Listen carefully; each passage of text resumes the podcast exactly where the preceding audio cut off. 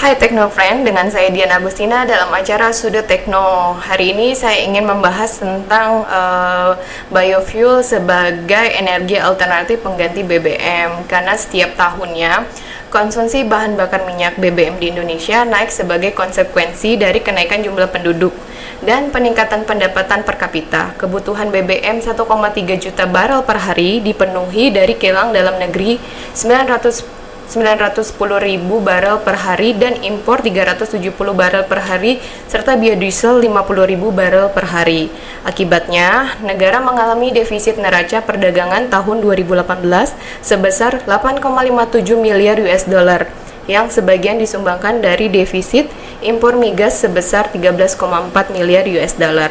Oleh karena itu, harus ada upaya untuk mengurangi impor BBM dengan melakukan diversifikasi BBM dengan sumber energi lain terutama bahan bakar nabati atau green fuel.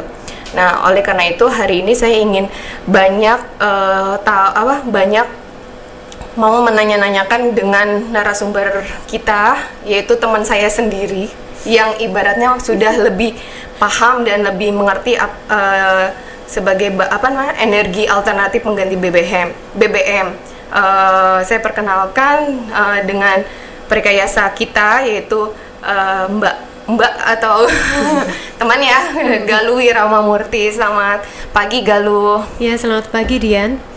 Uh, ya Galuh hari ini saya ingin tanya-tanya nih ya hmm. sebagai ya Boleh. pengetahuan juga buat kita semua ya hmm. karena kan ya tadi yang saya jelaskan sebelumnya di awal karena uh, mungkin negara kita tuh sudah krisis bahan bakar minyak ya jadi harus ada hmm. energi alternatif lah pengganti BBM itu tadi gitu hmm. nah tapi sebelum kita ke sesi serius nih gitu hmm. saya kepengen nanya-nanya uh, Galuh juga nih iya. dulu. Tapi sebelumnya hmm. aku koreksi dikit ya. Iya. Uh, di sini aku tuh bukan ahli gitu. Hmm. Tapi uh, lebih karena dari awal itu apa ya udah belajar gitu hmm. tentang energi sih hmm. jadi lebih tahu banyak gitu. iya ibaratnya jadi ini bukan sharing ahli lah ya, ya, ya sharing pengetahuan lah iya. gitu uh, oke okay, uh, gini galuh apa namanya uh, dulu tuh S 1 nya ngambil teknik kimia juga ya iya uh, dulu aku S1 di teknik kimia ITS mm -hmm. Uh, di situ belajar tentang biomass conversion, yeah. jadi konversi biomasa uh, menjadi apa pun itu mm gitu. Nah, kebetulan ngambilnya itu S1 ku bio biodiesel. Oh, oke. Okay. Ya. Terus uh, eh, S2-nya dapat di luar ya?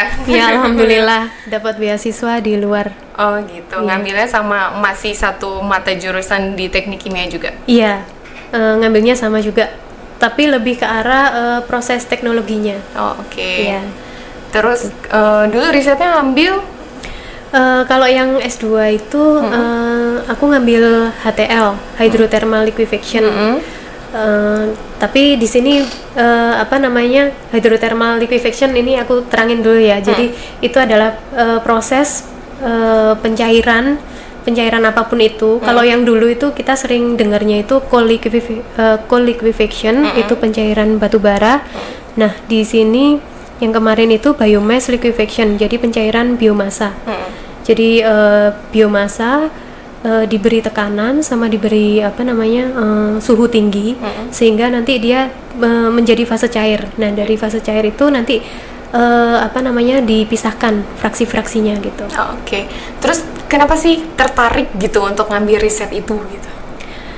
Nah kalau melihat dari kenapa tertariknya ini, hmm? ini uh, apa namanya dilihat dari sejarahnya dulu ya biofuel hmm. itu. Jadi biofuel sendiri itu uh, ada tiga generasi. Hmm. Jadi generasi yang pertama itu uh, bi bioetanol hmm. dan biodiesel. Tapi uh, bahan bakunya itu diambil dari uh, bahan pangan. Yeah. Jadi kalau yang bioetanol itu kan dari pati, yeah. dari pati, singkong itu kan hmm. uh, apa namanya? Jadi berlomba-lomba ya dengan pangan ya. Hmm Uh, begitu juga dengan bio biodiesel itu kan dari kelapa sawit, yeah. jadi dari uh, minyak-minyak yang pangan juga. Hmm. Nah, sedangkan yang generasi kedua hmm. itu uh, lignoselulosa. Yeah. Jadi kebanyakan dari uh, pemanfaatan limbah. Hmm.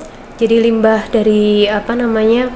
seperti limbah kayu, okay. limbah pertanian yeah. gitu. Nah, itu yang uh, apa namanya diolah lebih lanjut menjadi uh, energi gitu. Hmm. Nah, sedangkan yang generasi ketiga itu uh, mikroalga. Jadi di situ ada uh, campur tangan dari manusia untuk merekayasa genetiknya. Hmm. Nah, saya tertariknya itu mengambil yang generasi kedua gitu. Jadi pemanfaatan dari limbah-limbah pertanian yang ada dan itu kan lebih banyak gitu dan tidak berkompetisi dengan pangan gitu. Nah, itu dimanfaatkan untuk uh, energi atau yang lain. Kalau hydrothermal liquefaction itu pemanfaatannya lebih luas lagi sih. gitu. Jadi nggak hanya bio biofuel aja. Oh gitu. Terus oke sekarang itu gambaran dari riset yang udah pernah Galuh ambil ya. Sekarang kita langsung ke topiknya yaitu biofuel sebagai energi alternatif pengganti BBM ya kan. Boleh dijelasin nggak sih biofuel itu tuh apa?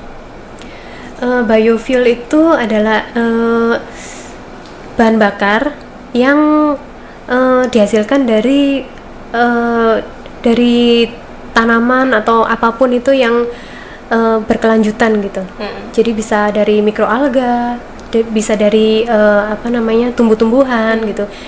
Jadi sustainable. Yang jarak itu termasuk ya? Buat Iya, jarak itu termasuk. Iya, ya? jarak, minyak kelapa sawit, kelapa, eh, kemirisunan. Jadi itu bisa dipakai untuk eh, biofuel Oh gitu. Hmm, Terus bagaimana cara biofuel itu dihasilkan? Nah, biofuel itu sendiri tuh jadi bermacam-macam dia. Hmm. Jadi ada kalau yang di unitku ya itu ada biogas. Iya. Terus ada yang berbahan bakar cair. Iya. Nah, itu macam-macam juga bahan bakar cair pun itu macam-macam. Hmm. Jadi eh, ada yang biodiesel, ada yang eh, gasolin berbasisnya. Nah, ini yang ditanya yang mana nih? Kalau yang biodiesel itu prosesnya dari transesterifikasi. Jadi dari minyak eh, Kelapa sawit ya? minyak eh, minyak nabati, kelapa sawit ataupun minyak jarak, kemudian eh, dire- direaksikan dengan metanol, ditambahkan dengan sedikit katalis, nah, kemudian menjadi biodiesel dan gliserol. Nah, kemudian eh, kalau yang nah sekarang ini ada yang terbaru nih. Apa? Jadi eh, minyak nab- eh, minyak nabati itu langsung bisa dipakai untuk eh, bensin, bensin atau gasolin ya. Mm-mm. Nah itu eh, dengan cara cracking, nah, itu yang terbaru. Cracking itu? Cracking itu perengkahan. Jadi eh, kan kalau yang biodiesel itu hanya untuk mesin-mesin yang diesel saja Iya. gitu. Padahal kebutuhan kita kan di sini banyak yang apa namanya untuk eh, kendaraan yang berbensin ya, Iya. berbahan bakar bensin Iya. gitu. Nah jadi kalau yang eh, apa namanya biasanya produknya itu diesel hanya untuk diesel aja, diesel untuk eh, bis kendaraan besar-besar. Nah yang ini untuk berbahan bakar bensin. Oke. Gitu. Terus di mana biofuel itu dapat digunakan?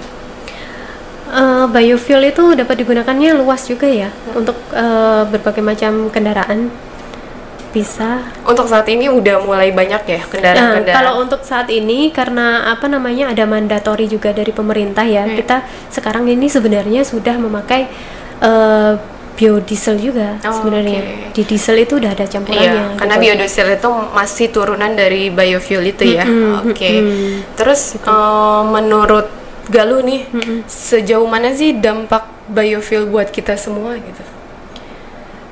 Eh, yang jelas biofuel ini ada hubungannya dengan erat itu dengan lingkungan. Iya. Nah, jadi dengan mem- memanfaatkan eh, biofuel ini itu bisa eh, mengurangi tingkat emisi.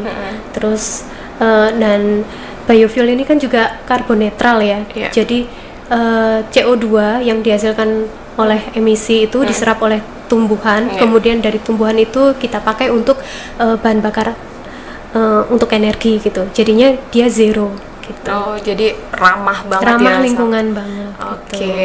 Terus eh, sejauh ini Galuh udah melihat nggak sih eh, peran serta BBPT dalam pembuatan bahan bakal bahan bakar alternatif mengganti BBM ini apa aja gitu perannya BBPT itu? Ya, kalau eh, yang saya tahu ya sejak saya masuk itu eh, PPO. Jadi ini ada lagi nih. Jadi makanya biofuel itu sebenarnya luas banget ya. Jadi ini harus diterangkan sendiri gitu. Biofuel yang mana yang uh, apa yang akan dijelaskan gitu loh karena ada PPO ada biodiesel Hmm. ada Biogas. uh, iya biogasolin Iya, itu iya. Hmm. terus ada ya macam-macam biogas juga Hmm. nah kalau yang PPO ini adalah pure plant oil Iya. Nah, itu dari minyak nabati murni. Jadi eh, yang belum direaksikan dengan apa pun Nah, oke. minyak nabatinya. Nah, minyak nabati murni ini itu bisa karena mempunyai nilai oktan yang tinggi. Mm-mm. Jadi dia bisa di eh, apa namanya dijadikan bahan bakar diesel gitu. Oh, gitu. Mm-mm. Nah, itu eh, bisa dipakai sebagai campuran untuk eh, mesin diesel. Jadi selama ini yang saya tahu itu eh, udah digunakan di Talang Padang juga. Itu dicampur dengan eh, diesel eh, dengan solar maksudnya untuk eh, PLTD, pembangkit listrik tenaga diesel. Oh, gitu. Nah, selain itu juga pernah juga eh, PPO ini dicampur dengan eh, solar atau HSD ya, eh, high speed diesel untuk PLTG di Paulimo. Eh, PLTG itu pembangkit listrik tenaga gas ya, turbin gitu. Mm-mm. Nah, tapi eh, apa namanya bahan bakarnya menggunakan eh, itu PPO dan HSD. Oke. Eh, Oke, Technofriend. Coba ya bayangkan bila di dunia ini tidak ada bahan bakar fosil, apa yang akan digunakan untuk menyalakan mesin kendaraan Anda? Bagaimana memasak makanan sehari-hari? Apa yang membuat pembangkit apa yang membuat pembangkit listrik dan industri dapat berjalan dengan baik? Nah, di samping itu kita semua tuh membutuhkan biofuel ya sebagai sumber energi alternatif terbarukan yang terbuat dari minyak kelapa sawit. Apalagi kan setahu saya ya Indonesia tuh kan kaya banget ya sama perkebunan kelapa sawit gitu kan. Iya, betul. Kalau nggak di apa ya tidak Diolah dengan iya, baik dengan gitu diolah ya. dengan baik ya sayang banget gitu. Mm-mm. Terus Mbak, eh, menurut Mbak nih, eh menurut Galuh, eh, biofuel itu tuh pas nggak sih benar-benar jadi energi alternatif pengganti BBM itu?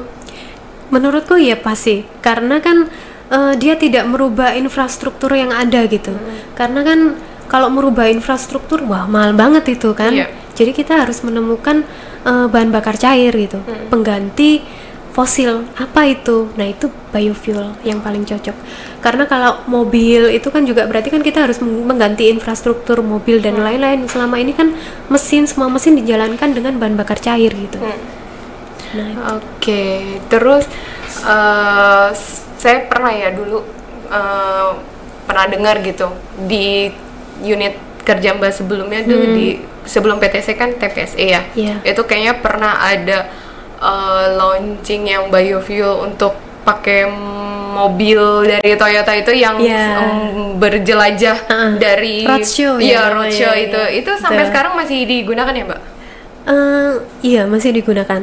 Jadi maaf itu Dian, itu jadi saya juga belum tahu karena itu sebelum saya masuk sih. Hmm. Ke, eh, apa namanya kegiatan itu sebelum saya masuk, eh, ya dengar-dengar memang ada roadshow ya ke Makassar kalau nggak salah Iya. gitu ya.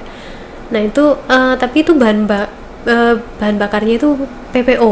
Oh, jadi oke. PPO dicampur dengan solar, kemudian eh, dipakaikan di kendaraan kendaraan yang bermesin diesel Oh, Oke. gitu Iya, iya. dan itu uh, dual dual fuel ya jadi bisa dipakai uh, kalau ada PPO atau kalau nggak ada juga bisa gitu Oh. mesinnya di di setting begitu dan juga udah di apa namanya uh, sudah dirombak dimodifikasi sedikit gitu Hmm, Oke. oleh uh, ya oleh engineer rekayasa di PTC Oke.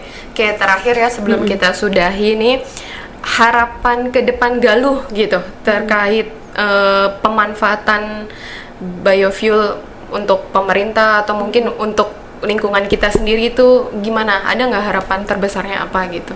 Karena kan susah ya, maksudnya Iya. untuk kita eh, kita udah kayak terus-terusan menggunakan energi yang ada gitu. Jadi kalau ada yang apa sesuatu yang baru kan pasti dari pihak terdekat pun kayak sulit untuk melakukan itu gitu. Kira-kira ada nggak sih harapan ke depannya seperti apa? Iya sih, eh, kalau melihat prospek dari biofuel itu sendiri memang susah banget diterapkan ya. Dan ini harus ada campur tangan dari eh, pemegang uh, regulasi gitu loh, yang pembuat regulasinya gitu loh. Jadi ya kalau bisa ya memang hmm, apa ya harus ada ketegasan juga dari pemerintah untuk uh, memanfaatkan biofuel ini gitu dan menambah juga uh, apa namanya uh, mix energi mixnya gitu loh bauran energi yang saat ini uh, yang saat ini tuh paling banyak kan digunakan itu fosil gitu jadi ya sebaiknya bauran energinya juga diperbesar untuk yang biofuel hmm. gitu jadi kita juga bisa berkembang tapi ya selain itu juga harus di apa ya didukung oleh kebijakan pemerintah gitu hmm. loh dengan menambahkan insentif yeah. untuk apa namanya perusahaan-perusahaan yang mengembangkan biofuel gitu terus memberi insentif juga kepada pengguna pengguna biofuel hmm. gitu dengan memberi diskon atau apa ya saya kurang tahu ya itu ya oh ya gitu. intinya peran pemerintah tuh sangat penting banget ya yeah. untuk oke okay. Oke, nggak terasa Teknofriend, waktu kita sudah selesai untuk wawancaranya dengan teman saya ini. Jangan lupa untuk selalu menyaksikan Sudut Tekno setiap hari Jumat dan untuk informasi PMI terkini Anda dapat mengikuti Twitter at PMI underscore BPPT atau di laman Instagram kami di at BPPT uh, sorry PMI underscore BPPT serta Facebook PMI BPPT. Terima kasih. Assalamualaikum. Makasih Galuh. Iya, makasih dia.